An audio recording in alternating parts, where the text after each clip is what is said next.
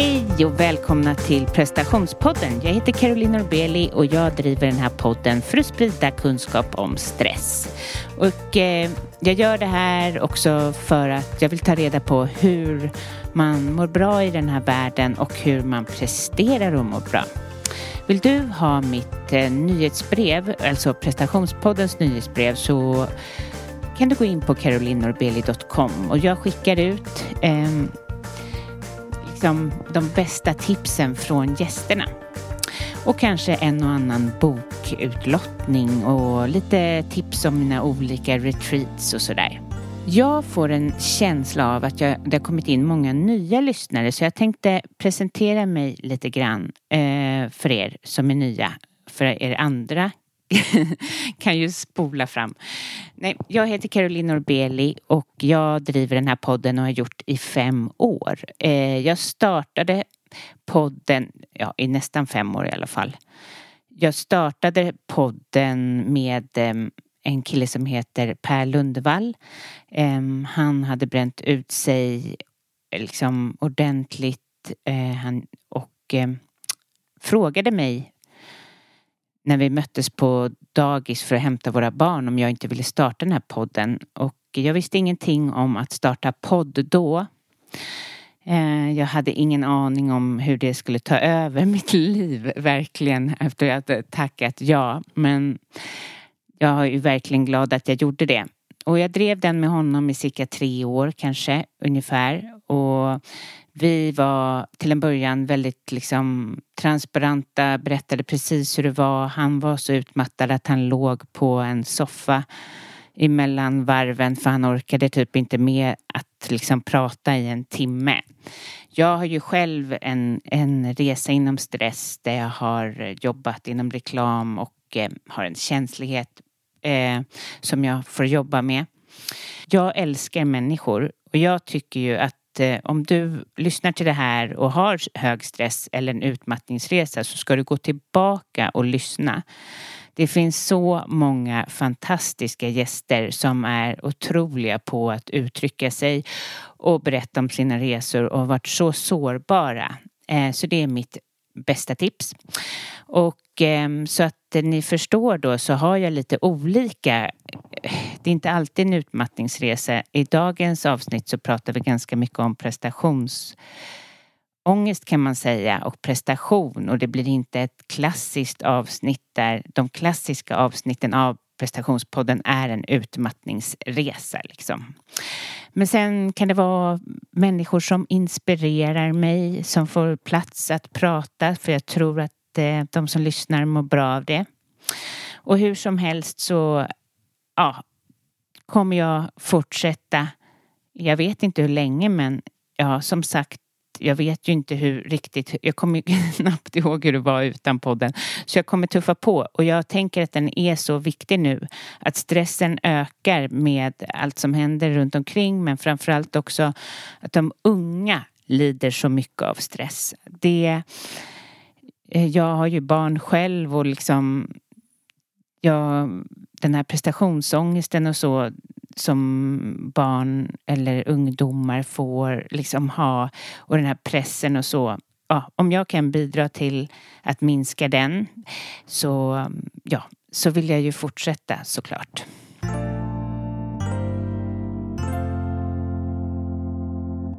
Jag har fortfarande en plats också kvar på mitt retreat den 25 till den 28 maj.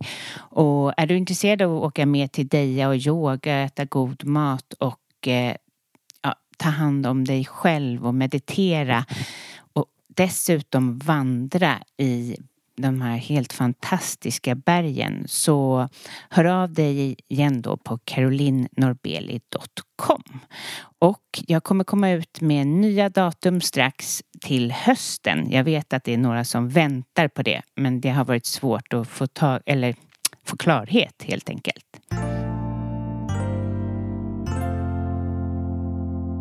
I det här avsnittet har jag intervjuat Henrik Ståhl. Henrik Ståhl är skådespelare, författare och dramatiker och eh, vi pratar mycket om hans prestationsångest men och att han har skapat den fantastiska podden Somna med Henrik. Alltså, jag tror att jag nämnt den förut i prestationspodden. Har du svårt att sova så testa, lyssna till honom.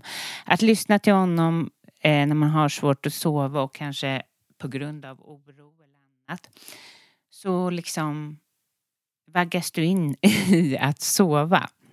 Men först och främst så ska du lyssna på det här avsnittet med Henrik Ståhl. Have catch yourself eating the same flavorless dinner three days in a row? Dreaming of something better? Well, hello fresh is your guilt free dream come true baby. It's me, Gigi Palmer. Let's wake up those taste buds with hot juicy pecan crusted chicken or garlic butter shrimp scampi. Mm. Hello Fresh.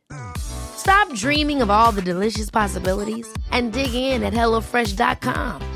Let's get this dinner party started. One size fits all seems like a good idea for clothes until you try them on. Same goes for healthcare. That's why United Healthcare offers flexible, budget friendly coverage for medical, vision, dental, and more. Learn more at uh1.com.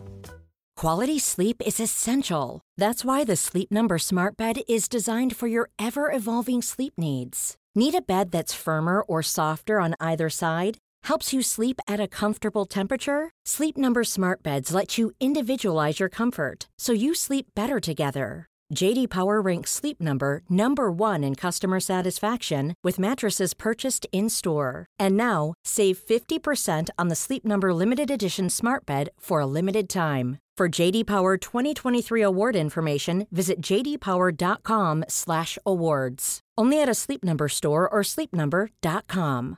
This is Paige, the co-host of Giggly Squad, and I want to tell you about a company that I've been loving, Olive and June. Olive and June gives you everything that you need for a salon quality manicure in one box. And if you break it down, it really comes out to $2 a manicure, which is absolutely insane. It's also so easy to get salon worthy nails at home with Olive and June. The difference between how your nails used to look when you did them yourself and now with the Manny system is a complete game changer. The best thing about Olive and June too is it's a quick dry. Dries in about one minute, lasts for five days, and full coverage in up to one to two coats. Visit oliveandjune.com slash perfectmani20 for 20% off your first system. That's oliveandjune.com slash perfectmani20 for 20% off your first system.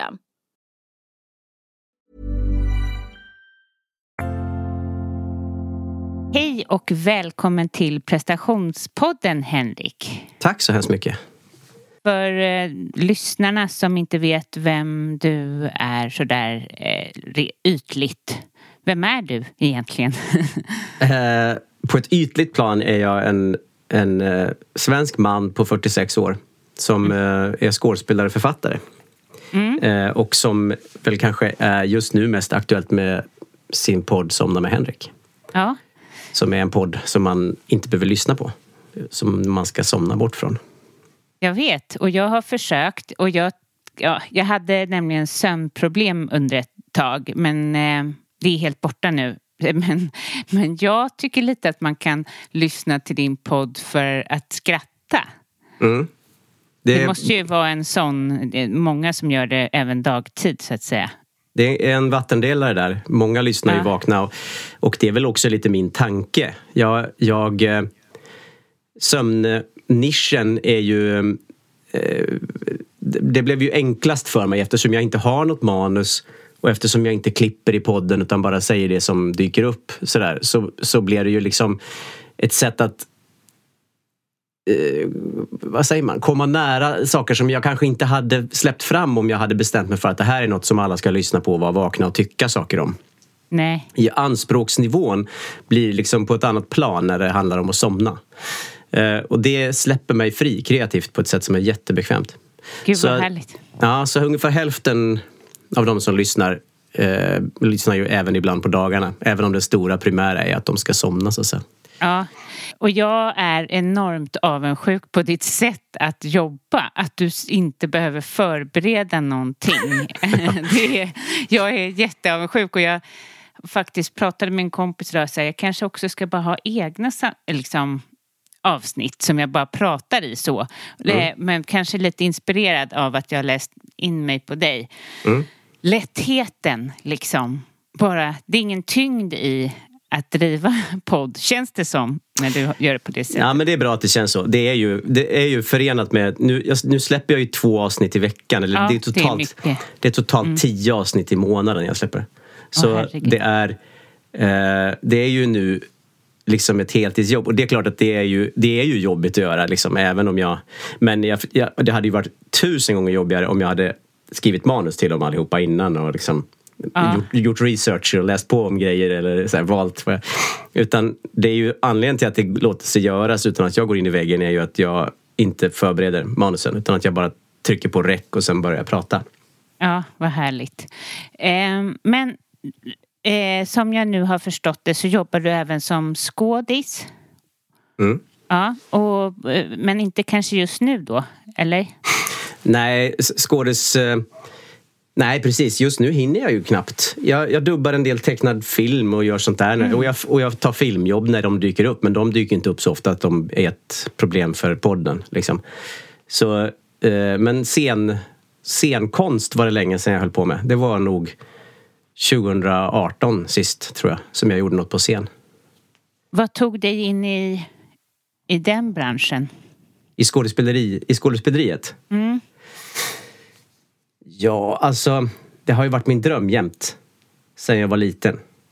Sen jag var liten och gick och såg Ronja Rövardotter på bio. Och sen efteråt så läste jag en bok som Tage Danielsson skrev med mycket bilder och foton från inspelningen. Och då fattade jag att det fanns ett jobb. Liksom. Att man kunde jobba med det här som jag blev så gripen av och tagen av. Så där någonstans bestämde jag mig för att bli skådis. Först ville jag bli författare, sen eh, blev det skådis. Och sen började jag med revy och amatörteater och sånt där som alla andra i en viss ålder. Liksom. Och sen eh, när jag var 18 bestämde jag mig för att söka scenskolan. Och då gjorde jag det. Och så kom jag in när jag var 19 och sen har det liksom bara skett. Det ena efter det andra. Liksom. Jag har aldrig egentligen behövt ifrågasätta mitt yrkesval förrän nu eh, när pandemin kom och plötsligt det inte fanns några scener att spela på. Jobbigt. Var det då mm. Podden kom till? Nej, Nej, den fanns innan. Ja, den, podd, eh, Sonna med Henrik startade 2018. Oj, uh -uh. Och den skedde ju som en slags eh, eh, det var som en, en eh, fritidssyssla för mig då. Som mellan eh, föreställningar eller mellan... Jag kom på idén på en turné när jag hade tråkigt på hotellrummet. Liksom. Så, och just för att jag själv har svårt att somna.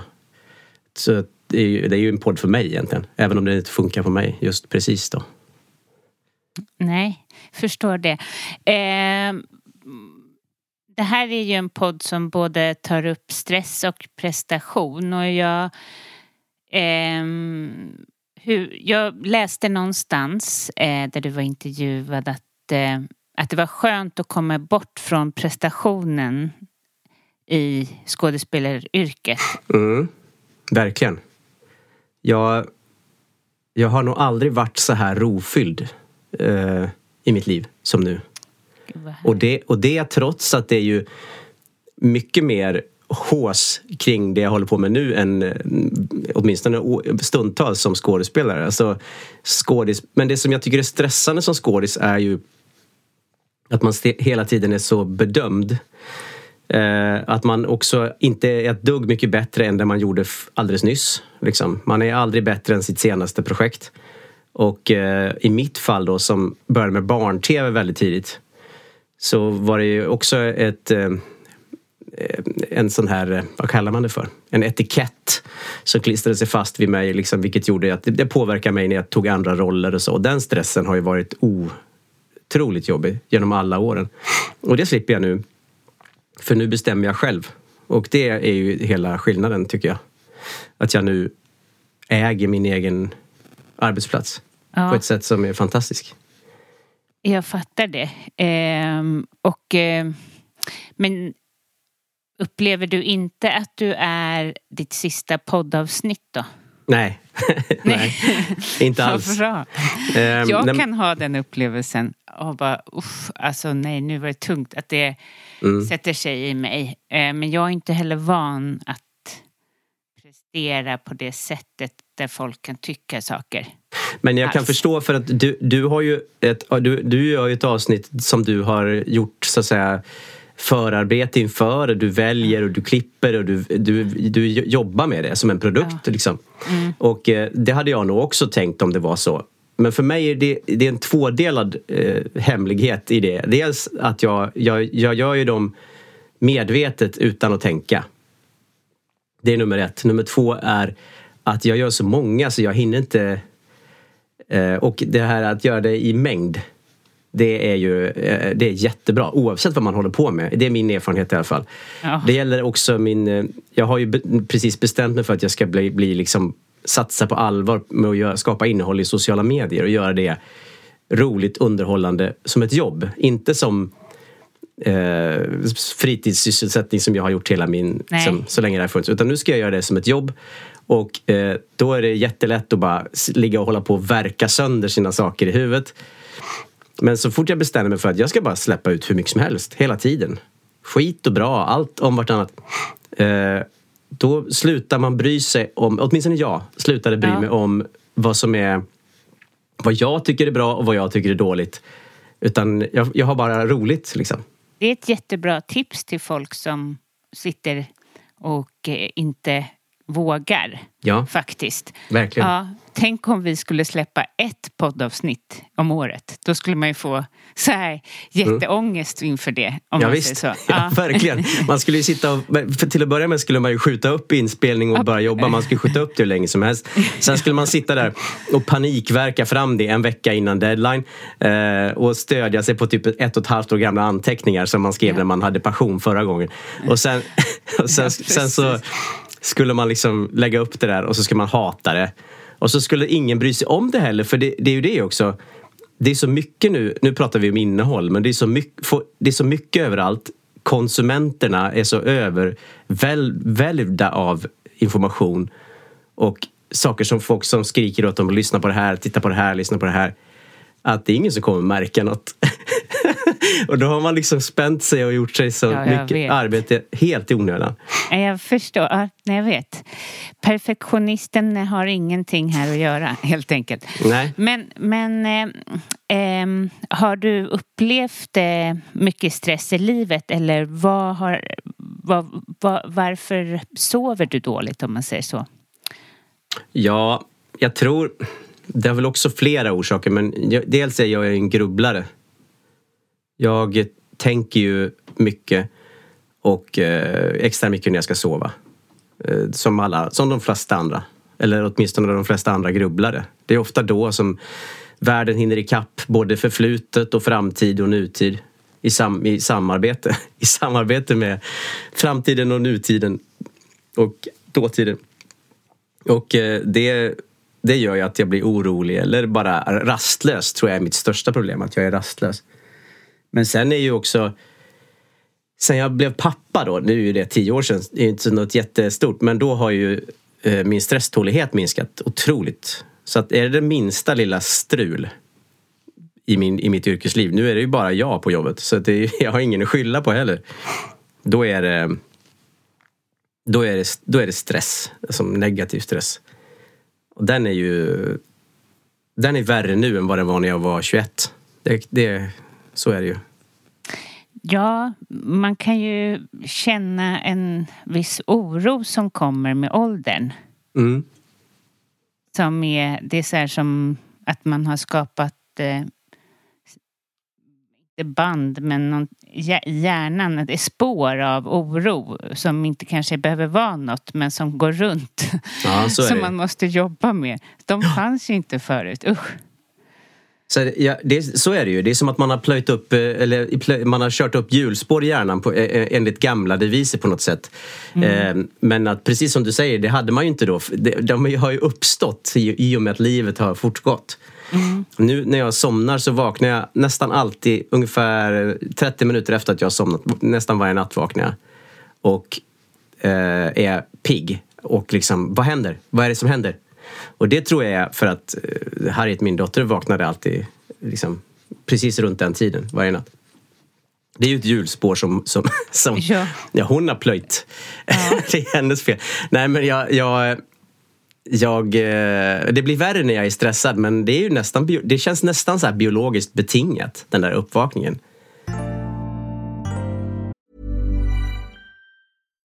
One size fits all seems like a good idea for clothes until you try them on. Same goes for healthcare. That's why United Healthcare offers flexible, budget friendly coverage for medical, vision, dental, and more. Learn more at uh1.com.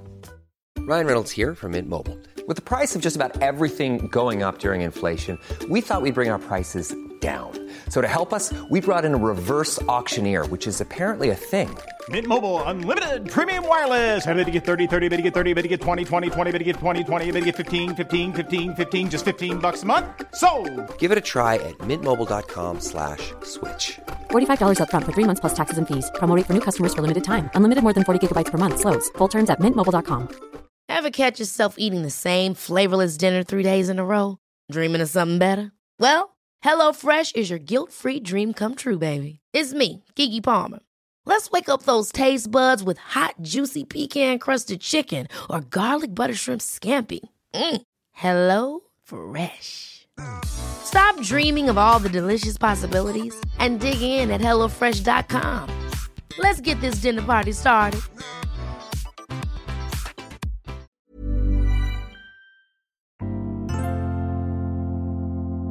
För det är ju intressant eftersom du nu har ett lugnare liv än när du var presta eller prestation, när du jobbade som skådespelare mer aktivt. Mm. Eh, jag har intervjuat flera och du kanske håller med om det att det var eh, alltså flera skådespelare eller som jobbar med stand-up eller liknande att det är inte bara den här eh, att bli bedömd grejen utan det är ett väldigt hårt jobb också mm. som sätter sig på kroppen. Ja, det är det.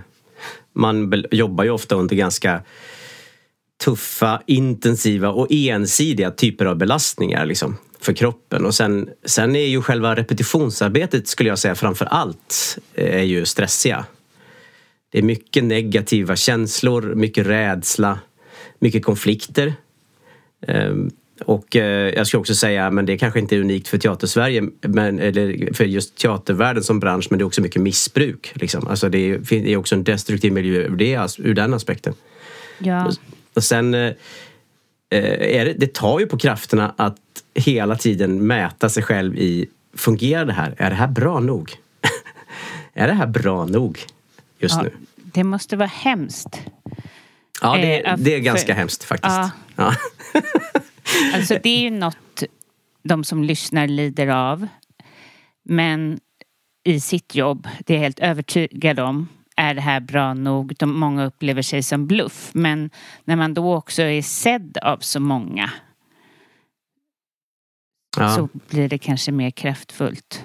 Men det finns också en konsensus kring att en värdelös skådespelare eh, och det är verkligen värdelös. En, en halvdålig skådespelare är värdelös. Liksom. Eh, den har inget på scen att göra. Det är en, eh, det är en styggelse. Den mentaliteten tar vi med oss ut från scenskolorna. Att dålig teater är värre än att synda. Eh, dålig teater är att synda. Dålig teater är att bedra världen och konsten och gud vet allt.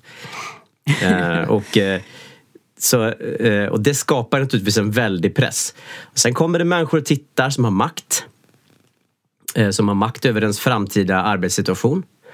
Eh, människor, gatekeepers kallar jag dem för. Det är, eh, det är vad de är. Liksom. Människor som sitter i olika grindar och dörrar och släpper in eller, eller, eller inte släpper in folk. Och jag menar inte att det är fel, det är så här det funkar. Men det, det är ju en stressig situation. Oj, idag kommer Leif Cern. Då är alla på tårna. Då springer man omkring och, och, och eh, darrar i knävecken för att det kommer en viktig kulturkritiker. Liksom. Eh, och det skapar ju stress. Men exakt så är mina kunder och de kan jobba på bank, de kan jobba inom mode, de kan... Alltså, mm. när det kommer den som ska bedöma det, den som ska ta dig vidare. Mm. Men jag kan tänka mig just att det blir väldigt tydligt för er del. Ja, och så ja. pratas det i branschen då. Alltså han har ju tappat det, säger man. Han kan inte längre. okay, han, jag hörde honom säga på någon fest att han ska byta jobb. Ja, men det vore nog lika bra. Alltså det är, det är väldigt liksom... Usch, det är liten den ankdamm. sämsta. Ja, det är inte den bästa eh, företagskulturen. Nej, det är det inte. Nej. Även om det, jag ska säga det, även om det har blivit bättre. Eh, jag tror att teatern verkligen fick liksom Eh, teatern överhuvudtaget har ju, har ju varit liksom nästan först jämt att få ransakas. Liksom I alla stora revolutioner, nu senast metoo, när teatern verkligen fick liksom vända ut och in på sig själv. och Var, var är vårt ansvar? Var ligger vår skuld? Och så här. Och det, det är ju bra. Jag menar, att vi är ju duktiga på det sättet att vi, vi, är ju, vi räds ju inte liksom att bråka med oss själva. Men det, det är ju... I det ligger också att vi är otroligt, liksom, att det är en otroligt stressig arbetsbörda som jag är väldigt glad att slippa just nu. Den här känslan av att man aldrig riktigt kan bara gå till jobbet och bara ta det lugnt en dag. Utan Nej. att det är liksom dit och så ska man brinna hela dagen. Ja, nej. Ja. Men hur har det påverkat dig tror du då? Eh, Alltså, tror du att de där hjulspåren sitter kvar i ditt medvetande? Jag har ju krav på mig att lyckas. Det har jag ju. Eh, och eh, det märker jag ju nu när det går bra för sådana. Men Henrik, för nu är jag ju så pass gammal att jag, jag har ju lärt mig att saker går upp och ner. Liksom, det trodde jag ju inte i början. Då trodde jag ju att när saker gick bra, då var det bara så. Liksom. Och sen blev jag förkrossad när, när det inte var trendigt det jag höll på med längre och sådär. Allting går ju i toppar och dalar. Så, men jag märker på mig själv att nu när det går bra så är jag väldigt fäst vid det. Liksom. Och eh, den där framgångsgrejen är ju ett av mina problem, tror jag.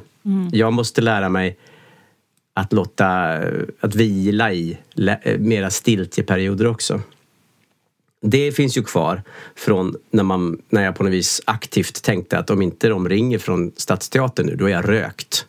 liksom den Ja. där känslan. Eh, så den är kvar.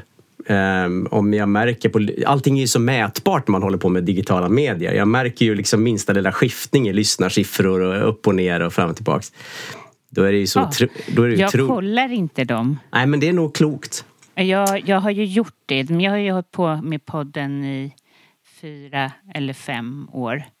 Och i förut så liksom följde jag den slaviskt. Men eh, nej, jag orkar inte plåga mig själv längre med det. Nej. Man blir nervös. Uh, nu, nu den här veckan så var det lite ner. Nu är det 2000 färre. Och då, då blir jag nervös. Vad är det som händer? Ja, då säger Nina, min sambo, ja men det, Henrik, det är krig i världen. Liksom. Det, kan, kan, ju, det kan ju vara så att det, liksom, det handlar kanske inte om att din produkt är värdelös. Det kanske handlar om att det faktiskt är krig i Europa för första gången på 85 år. Att det, att det är liksom, det kanske står utanför dig Eh, ja, just det. Det, vet, det förstår jag ju då. Men eh, in, min, min inre liksom, dramaturgi säger ju att nej, men nu är det kört. Nu är jag värdelös. Nu är det över. Ja, det var kul så länge det vara. Liksom. Ja, men jag känner lite så här, om jag gör utefter mitt eh, hjärta och det jag kan märka på andra sätt än just sifferstatistiken hur det går med Mm. liksom massa olika andra sätt. Men jag, jag försöker att, och det tycker jag är ett bra tips för alla människor, att liksom backa ifrån det här mätandet. Mm. Ja, det är mitt bästa tips att sluta och kolla. Och det är ju så alla mina, eller många av dem jag intervjuar frågar ju mig kan jag inte få se tif- si- ti- eh, lyssnarsiffrorna? Nej, Nej. det kan Nej. jag inte. Jag, jag kollar inte dem. Det går ju Ja. emot hela idén då. Om, eh, Men ja, vad intressant för att jag, eh, precis det här håller jag ju på att kämpa med nu. Ja. Eh, det gäller inte bara podden, det gäller också mina sociala medier. Ja, jag har blivit jättejobbigt. besatt av att mäta eh, eftersom jag har fått någon bild av att jag ska fixa det här som ett företag. Jag ska försöka, och nu får du hojta då, nu jag märka varningsflaggar här. Då. Men det jag försöker, det jag försöker för det som gör mig lustfylld, som jag känner väldigt stark lust inför det är att se på mitt yrke som företaget Henrik Ståhl. Inte jag. Jag ska vara anställd av den här jättekoncernen som jag tänker att jag är. Eh, om Coca-Cola blir kritiserad i media, då är inte Coca-Cola så här, åh nej, och ligger och vrider sig hemma. Liksom. Coca-Colas VD, det finns en beredskapsplan för sånt. Man, man gör någonting och sen blir det... Allting går efter ett planerat schema. Så försöker jag tänka. Jag försöker tänka att ingenting av det som... Alltså det här är bara tankar, det är, mina ja. känslor är något helt annat. Men ingenting av det som, som händer då. Upp och nedgångar i lyssningar, någon tycker jag är dålig. Någon tycker jag är bra. Det är, bara bra. det är bara grejer som ska in på ett formulär och så ska jag ta ställning till det som en företagsanalytiker. Jag är besatt av detta nu. Det är också därför jag håller på och mäter så himla mycket nu. Jag gjorde en, en eh, mätning av mina... mina jag gjorde en, eh, en enkät till mina följare i, i, på Instagram. Eh, och nu sitter jag med så mycket data. Jag fick, jag fick typ tusen svar och jag vet ju inte vad jag ska göra med den här datan. Det har jag inte tänkt igenom. Men nu har jag en massa data Positivt och negativt. Människor som säger vad de inte gillar och vad de gillar. Eh, jag kan inte läsa det här för det, jag blir ju bara ledsen och, och rädd och nervös. Det går ju inte. Eh, men, i, men jag har någon slags tanke av att jag skulle vilja vara en person som bara faktiskt kan ko konstatera och sen bygga mig åt det håll... Förstå, låt, bli, ja. Blir det tydligt Nej, men Du vill vara som VD för ditt egna företag som inte, ja. som inte har skapat det här med känslor. Exakt. Ja. Det vill nog alla, Henrik. Ja. ja. Men för att eh, det vill nog alla, även som går till jobbet och är livrädda eh, för att bli upptäckta och du vet det här. Mm. Det är ju jättesvårt. Um, Ja, nej, jag tror att du, det... Äh, man, du måste nog ha någon annan person som är den där vdn. Det är ju inte du. Nej, för kruxet är ju att det jag skapar är ju känsloskapat. Mm. Det jag skapar är ju, kommer ju från mig, från min fantasi och från var, man nu, var det där nu kommer från, kreativiteten. Liksom. Och, så det är klart att det är ju en krock. Det blir ju det. Ehm, så nu till exempel den här undersökningen, den kommer jag ju lägga ut. Den kan inte jag ta tag i. den måste jag någon annan ta tag i. För det går, jag kan inte... Eh, det blir alldeles för personligt. Det var jag inte alls beredd på liksom. Eh, jag är skitglad över detta men det, det är någonting som någon annan måste göra. Ja. Men eh, i en drömvärld så skulle man ju sitta där och bara, jaha, de hatar när jag pratar om Bamse. Jaha. Ja, nej, men du kommer ju, eh, som alla tror jag, så här, som tar in för mycket kritik och så. Jag, jag jobbar för att, genom att blunda för kritik. Mm -hmm. Jag måste skapa min inre styrka. Och liksom, eh, så det är klart om det är någon som vill komma och ge mig konstruktiv men det är ju sällan någon som vill. Mm. Eh, och en gillar Bamse, en gillar när jag pratar om stress en vill inte. Jag la just ut frågan vad, vad jag ska prata om i podden och då det är ju inget, man får ju liksom egentligen inte, det är ju någon som jättegärna vill, alltså några vill prestation och några vill absolut inte det. Nej, nej, nej. nej. Ja. ja och, och, och, precis, men, och där måste du ju gå till dig själv såklart. Ja. ja. Mm. Jo, och det måste ju jag också. Eh, men låt säga att det skulle finnas en jättestor grupp människor som tycker att det är lite jobbigt när du, när du återkommer till det här ämnet så och så och så. Ja. Skulle du ta till dig det då? Eh, nej men jag skulle nog aldrig fråga om det utan jag måste och det här är ju bra tips till alla som tänker starta eget. Så jag tror väldigt starkt på att göra det som jag tror på. När du startade den här, då mm. gjorde du det utifrån dig själv. Och ja. det har gått så bra. Du måste fortsätta med det. Ja. Börjar du, annars börjar man halka runt. Nej, precis. Och det är väl en balansgång också. Man, precis, man får aldrig sälja bort det som var unikt liksom, ifrån... Nej, för även den som hatar Bamse kanske på något sätt tycker att det är kul. Ja. Eller liksom... Ja, nej, du har du rätt i. Det och det här är ju liksom... He, he, ja, som i allt och mycket tror jag. Fast det är så svårt. Det är så svårt att inte vara sårbar. Ja, det är det. Verkligen. Man nästan vill ju mår ju illa i vissa stunder när man har utlämnat eller när det är något som inte, eller kritik. När jag får kritik, jag får inte det så mycket. Jag tror att jag har en ganska snäll podd Och jag, jag säger väl inte jag, har inte, jag har inte frågat efter kritik heller. Nej. Jag gillar inte kritik. Ja, men då, när jag får det, jag ser att någon har skrivit på iTunes, ja, men så tar jag väldigt illa vid mig. Ja, visst är det, visst är det hemskt att vi är så konstituerade att vi av, av massa fint, det tar man till sig. Sen låter man det få bli en, en väldigt skör livsbild. Men så fort det kommer en, en liten Ja, dålig, då rasar allt det här. Så, ja. visst är det otroligt? Man är så Ja. benägen att tro det dåliga men misstro det bra. Hela Man tiden. kommer nästan inte ihåg det bra. Nej. Det är det som är, det är ju fräckt mot alla som har gett en så Ja, mycket visst. bra feedback. För man snu, bara lyfter upp och highlightar allt i livet som, Ja. det som inte var bra. Vad är vi för konstiga människor egentligen? Ja, är, det är märkligt. Jag antar att det finns, finns säkert någon biologisk grej. Det är bättre. De som kom ihåg oförrätter och förnedringar, de levde längre än de som bara gick omkring och njöt av att alla var så snälla hela tiden. I, Ja. I den gamla jägar och samlarstenåldern. Jo men det är så, vi ska ju gå på fara och för oss är det väl det är väl en fara då att få kritik. Ja. Men eh, så du, att du vaknar klockan ett, det är, är, är det det som är ditt sömnproblem?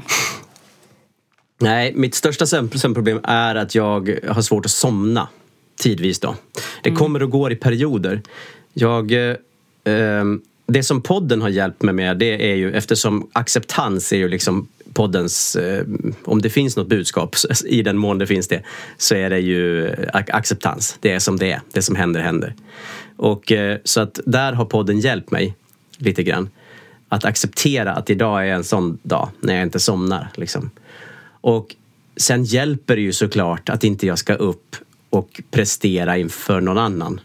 Eh, eller är inför mina lyssnare såklart, men inte, jag ska inte jag ska inte gå till min chef liksom, och vara, vara en duktig anställd. Utan jag kan ju ta ledigt en dag om jag skulle behöva. Liksom. Och eh, det gör ju att jag, jag har ju inte samma eh, hot hängande över mig. Liksom.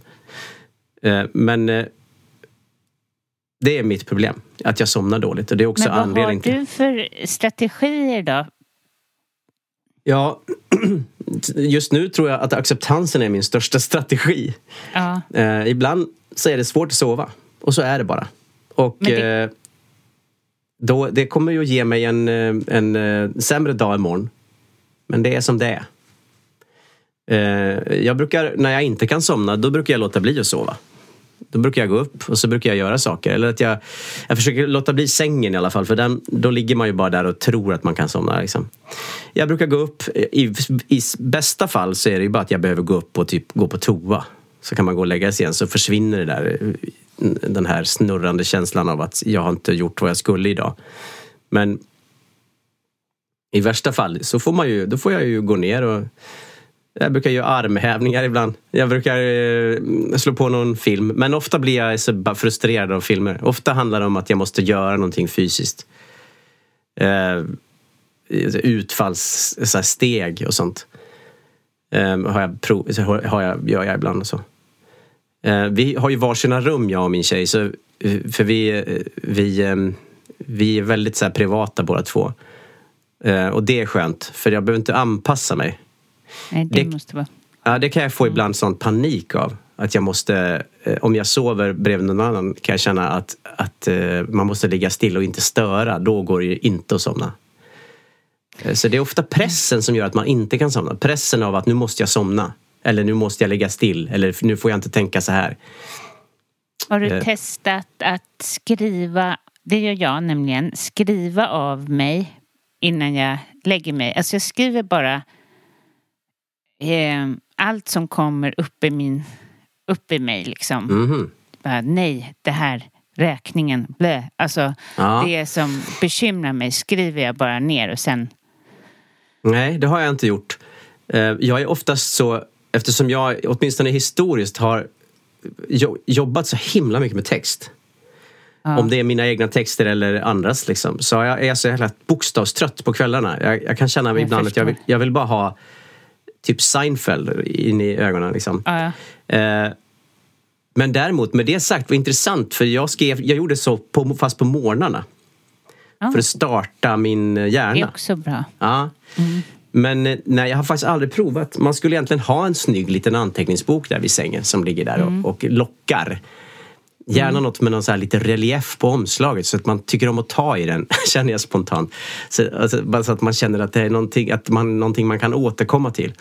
När jag lägger handen på den här Absolut. boken, då är det dags att, då är det dags att skriva ner. Ja, var en bra idé. Va- Ja, det är jätteskönt eh, faktiskt. Det känns som att det inte kommer in i sömnen och sen väcker en. För det kan ju vara saker som väcker en. Liksom eh, saker man ska göra. I alla fall för min del så är det som att jaha, så, så bara vaknar jag av att jag ska ha ett eh, retreat om ett, några månader. Eller ja, så konstiga saker som jag måste bara bli av med i boken.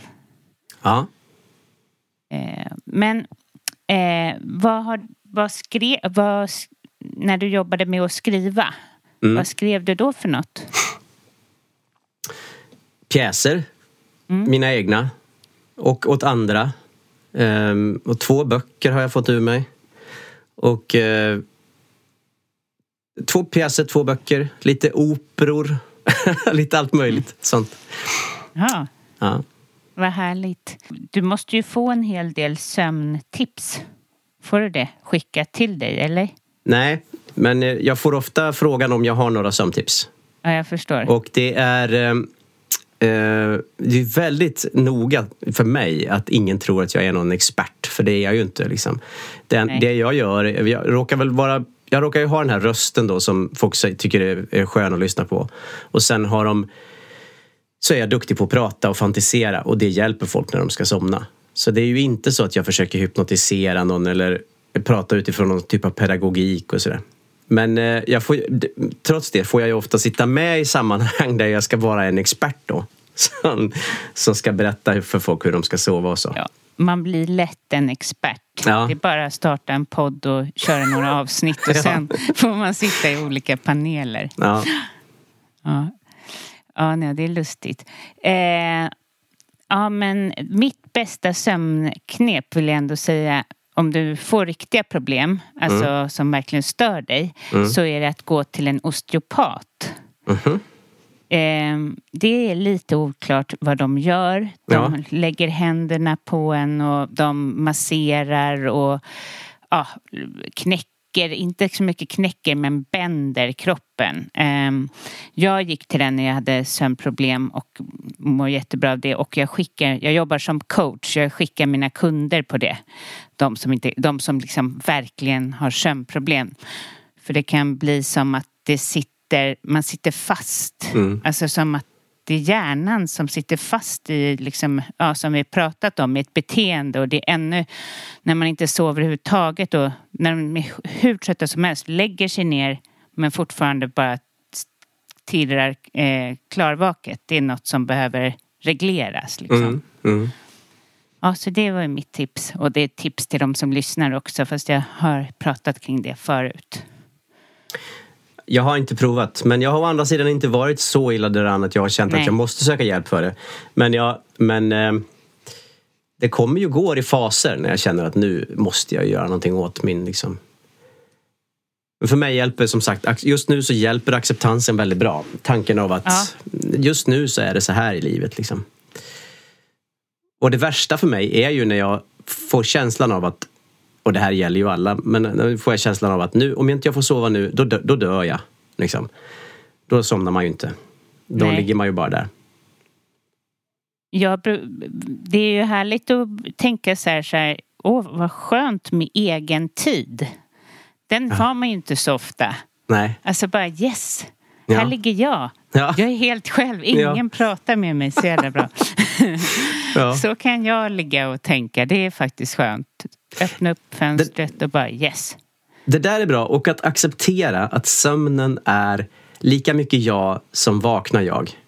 Ja, Att sömnen inte är som... Jag tycker det är lätt när man läser artiklar och, och sånt om sömn så pratar man om den som om den var typ träning eller tandborstning. Alltså nyttigt, någonting man måste göra för att bli, vara frisk. Men att I själva verket är det liksom motsatsen till det. Sömn är ju liksom egentligen precis lika mycket jag som när jag tjänar mina pengar. Alltså det är precis lika mycket jag. Bara att den har blivit den är svårare att styra över och rationalisera och därför så tänker man lätt att den är overklig eller, eller eh, tillhör ett annat verklighetsplan än det som vi ser som det vakna, verkliga livet. Ibland när jag känner att nu måste jag ge över kontrollen till det omedvetna, som det ju är att somna. Då, då, då känner jag ibland att det är jobbigt. Jag vill inte. Jag vill inte lämna ifrån mig kontrollen. Jag vill vara Henrik. Jag vill bestämma. Jag vill drömma efter egen fason. Jag vill ta egna beslut. Så brukar jag tänka att det här omedvetna, eh, röriga malströmmen av drömmar och, och medvetslöshet som ju sömnen är. Eh, det är precis lika mycket jag som allt typ av rationalitet jag annars tycker att jag går omkring och bär på. Och då har det blivit lite lättare. Alltså att man måste acceptera bara att den här hän, att ge sig hän, det är en viktig del av livet. Precis. Och det kanske gäller både vaket och när man ska somna. Ja, ja verkligen. I allra högsta grad. Ja. Ehm, men jag saknar du den här tiden att stå på scen? Jag tänker, finns det någonting i att vilja bli skådis? Jag förstår att det är ett konst, ja, det är konst också, men det är också att bli sedd på något sätt. Mm. Ja, det, det saknar jag inte. Jag saknar... Jag kan sakna kollegorna. kan Jag sakna. Jag kan mm. sakna den intensiva gruppkänsla som ändå uppstår liksom i, i, när, man, när man repeterar en text, när man nalkas ett, en, en värld. För man bygger ju en värld ihop. Liksom. Så det kan jag sakna. Och de gånger jag har hoppat in och gjort korta filmjobb under den här Somna med Henrik-åren så har jag känt att fan vad jag saknar det här gängen. Man blir ju, man blir ju bästisar under en period. Ja, verkligen. Eller dödsfiender. Men man blir, mm. man blir liksom... Man blir något. Ja, man blir ja. något med varandra. Ja. Eh, och jag är, är, ju bara själv. Eh, mina, mina arbetskamrater är ju mina... Eh, de som jag som jobbar ihop med mig med podden. Mina administratörer eller folk som hjälper mig och jobbar åt mig. Det finns inga, finns inga som jag är sitter tillsammans med och jobbar fram någonting. Liksom. Och det kan jag sakna. För det, det fanns ju verkligen som skådis. Ja. Men eh, inte så mycket faktiskt. Nej. Inte än i alla fall. Gud vad härligt. Eh, varför tror du att eh, vi mattar ut oss så mycket här i Sverige? Det var någon som sa, som var så himla klokt tyckte jag då, att det här är ett allmänmänskligt svar på stora paradigmskiften. Att när industrialismen drog fram med buller och bång och förändrade människors liv i grunden arbetsplatser och, och själva infrastrukturen kring vilka människor levde förändrades med fabriker och centralisering och städer så blev folk också utbrända även om man inte hade samma ord på det då. Ehm, och det tyckte jag, det klingade bekant i mig. Det kändes rätt. Och då, då, då, det tänkte jag, nu har jag ju inga siffror på detta. Men jag, det tycker jag är en spännande tanke. Mm. Att i stora paradigmskiften så blir vi, eh, så får vi svårare att hitta, vi behöver en kontinuerlig rytm och när den rubbas då blir vi stressade, utbrända och försöker göra allt på samma gång. Och jag menar, vi befinner ju oss i allra högsta grad i flera olika paradigmskiften, tycker jag, nu. Eh, och det, det, går ju snabbare och snabbare på nästan alla områden. Ja. Det är ju Verkligen. nästan eh, svårt att hitta ett område där det inte rör sig fortare. Och jag tycker det här är, jag måste säga, det pratar jag ofta om i podden, jag tycker att det är spännande och positivt nästan till 100 procent. Men det, det sker ju inte utan offer och utan lidande. Den här jätteparadigmen från det analoga till det digitala. Från det centraliserade till det eh, utbredda. Vad är, och tvärtom. Det är ju mycket, mycket som ändras väldigt, väldigt snabbt och kanske framförallt äldre påverkas ju väldigt negativt Ja, av det. Ja, de blir både stressade och ensamma. Ja.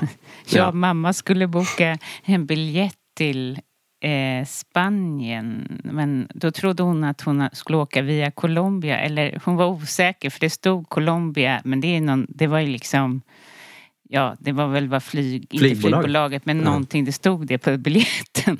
Du vet, hon blev så himla stressad. Hon är 80 år. Alltså, Ja, ja. Ja. Hon är jätteskärpt egentligen men du vet, det Men blir jättejobbigt stress. att åka via Ja. Colombia till Spanien. Det är helt otroligt. Så jäkla onödig omväg. Ja, alltså så underbart. Eh, så jag var, nej men mamma jag tror att vi kommer bra. Men jag förstår att det är liksom helt hemskt. Man tycker ju själv att det är stressande och nu också med alla de här testerna och grejerna man ska göra innan man ska flyga och så. Ja. Det kan ju få vem som helst att kollapsa innan man har kommit iväg.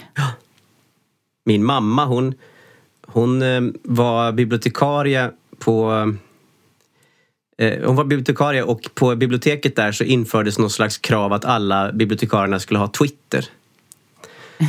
Och eh, hon förstod inte varför hon skulle ha det. Hon tyckte det var helt onödigt. Hon var inte intresserad. Och jag blev så irriterad på henne. Jag tyckte, men kan vi bara skaffa Twitter? Eh, och sen eh, det ena ledde till det andra. Hon blev, eh, till slut blev hon sjukskriven för hon brände ut sig och det var inte bara för Twitter. Men det var, Twitter, Twitter blev på ett sätt någon slags symbol för hela... Hon var liksom inte viktig utan det var eh, någonting annat än det hon bidrog med var viktigt. Det blev det tydliga. Liksom. Och sen gick hon i pension lite tidigare och sen, eh, så nu är det där borta. Men det, den, eh, det, det är ju tydligt och det är lätt för mig som sitter mitt i tekniken på något vis och använder mig av den dagligen och så att säga det är bara skaffa Twitterkonto och skriv så här.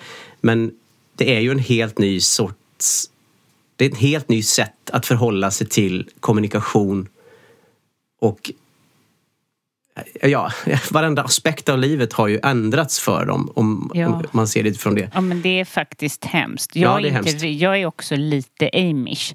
Att jag, jag gillar inte riktigt den här tekniken men jag har ju ändå kastat mig in i den på något sätt. Men eh, ja, jag skulle hjälpa min farmor lära sig dator innan hon dog. Eh, men du vet, tillbringat en hel dag, suttit med henne och visat henne alla grejer och sådär. Och sen innan jag skulle gå, då håller hon musen uppe i luften. alltså helt ofungerande. Så jag bara, nej, det blev ingenting med den där datorn. Hon har inte kopplat upp sig en enda gång. Nej. Nej. Nej, och det är så lätt att skratta åt det. Och, Ja. och samtidigt, det som jag tycker... Det här pratar jag också om ibland faktiskt i podden. Vi, vi lever ju i en tid när vi... Nu kom vi in på det digitala, men vi lever ju i en tid när vi gradvis... Ingen vet vad som händer, men vi gradvis går ju in i en framtid där allt är digitalt. Och eh, någonstans, så länge man lever på planeten jorden så kan jag ibland känna, där har man någon slags demokratisk samhällelig plikt att åtminstone skaffa sig någon slags bild av vad det här är. För att annars lämnar man ju det åt företag som Google och Facebook och Apple att bestämma vilket samhälle vi ska ha. Och det vore väl synd, kan jag känna. Alla de här äldre människorna som har varit med och det som så populärt kallas för folkhemmet, byggt upp det, eh, verkat i det. Ska inte de få ha någonting att säga till om vår digitala infrastruktur? Eh, Och där tycker jag, delvis är det någonting jag tycker man ska rikta till folk på individnivå. Att, eh, att åtminstone försöka ta sig an det. Än att säga att det där skiter jag i. Liksom. Lite som min föräldrageneration säger. Och sen, eh, eller, eller, eller också, det är också en känga till vår, vårt land. Att de gamla har lämnats utanför den här revolutionen. Ja. Och det är, det är synd. Väldigt synd. För det finns nog mycket fint som skulle komma från 40-talisterna i, eh, på internet. Ja, nej. Verkligen, verkligen. Det kan inte vara lätt. Jag skulle nog bara le- försöka leva utanför så mycket som möjligt om jag var eh, i deras ålder. Ja, ja men okej, och det kan jag respektera. Gör det. Så här. Eh, lev utanför helt. Men det är ju väldigt få som gör. Istället blir man någon slags man dras med som en säck. Som en misslyckad. Ja, man dras med, man förstår inte alls vad är det här? Sen, nu har jag fått ett virus, vad är det här? Och sen så, eh, nu vill de att man ska betala det här via internetbanken. Eh, plötsligt ska det här och det här ske. Så man är liksom en del av ett samhälle man inte förstår. Nej, jag vet. Och det är bara som att mamma frågar mig om hon tycker att, jag, att hon ska godkänna cookies. För du vet, det är så himla mycket med det där. Ja, man, Ja. Där, där har de en, eh, en show att göra om. 40-talister på nätet. Det Ja. måste ju finnas hur mycket kul som helst. Ja, verkligen. verkligen. Planning for your next trip? Elevate your travel style with Quince. Quince has all the jet setting essentials you'll want for your next getaway, like European linen, premium luggage options, buttery soft Italian leather bags, and so much more. And it's all priced at 50 to 80% less than similar brands. Plus, Quince only works with factories that use safe and ethical manufacturing practices. Pack your bags with high-quality essentials you'll be wearing for vacations to come with Quince. Go to quince.com slash trip for free shipping and 365-day returns. Hi, I'm Daniel, founder of Pretty Litter. Did you know cats tend to hide symptoms of sickness and pain? I learned this the hard way after losing my cat, Gingy. So I created Pretty Litter, a health monitoring litter that helps detect early signs of illness by changing colors, saving you money and potentially your cat's life. Pretty Litter is veterinarian developed, and it's the easiest way to keep tabs on your fur baby's health right at home. Go to prettylitter.com and use code ACAST for 20% off your first order and a free cat toy. Terms and conditions apply. See site for details. Mom deserves the best, and there's no better place to shop for Mother's Day than Whole Foods Market. They're your destination for unbeatable savings, from premium gifts to show-stopping flowers and irresistible desserts. Start by saving 33% with Prime on all body care and candles. Then get a 15-stem bunch of tulips for just $9.99 each with Prime. Round out Mom's menu with festive rosé, irresistible berry chantilly cake, and more special treats. Come celebrate Mother's Day at Whole Foods Market.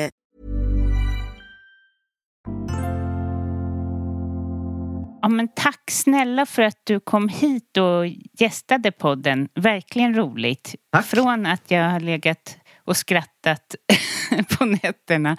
Men jag hade för svåra problem för att kunna somna och det är ingen kritik till din podd. Nej. Utan jag var så vaken om man säger så. Ja, det är ju inte, Eh. medicin, det är inte medicin. Så det, Nej, inte, nej. nej.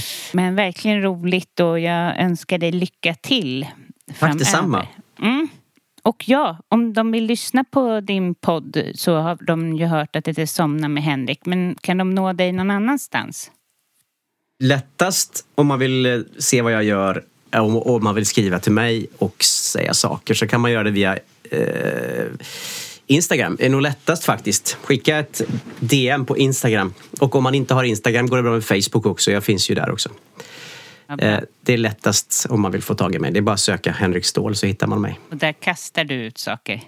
Hela tiden. Nonstop. ja, det är bra. Ja. Ja.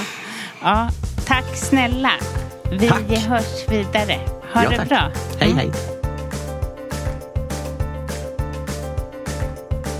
Snälla till dig som lyssnar. Och gillar du podden, alltså sprid gärna till vänner eh, och sprid på Instagram. Jag blir så glad för alla er som har skrivit till mig nu här på senaste tiden. Det är så roligt och podden behöver det och människor med hög stress behöver det helt enkelt. Men ha en eh, jättebra vecka och ta hand om er. Hej hej!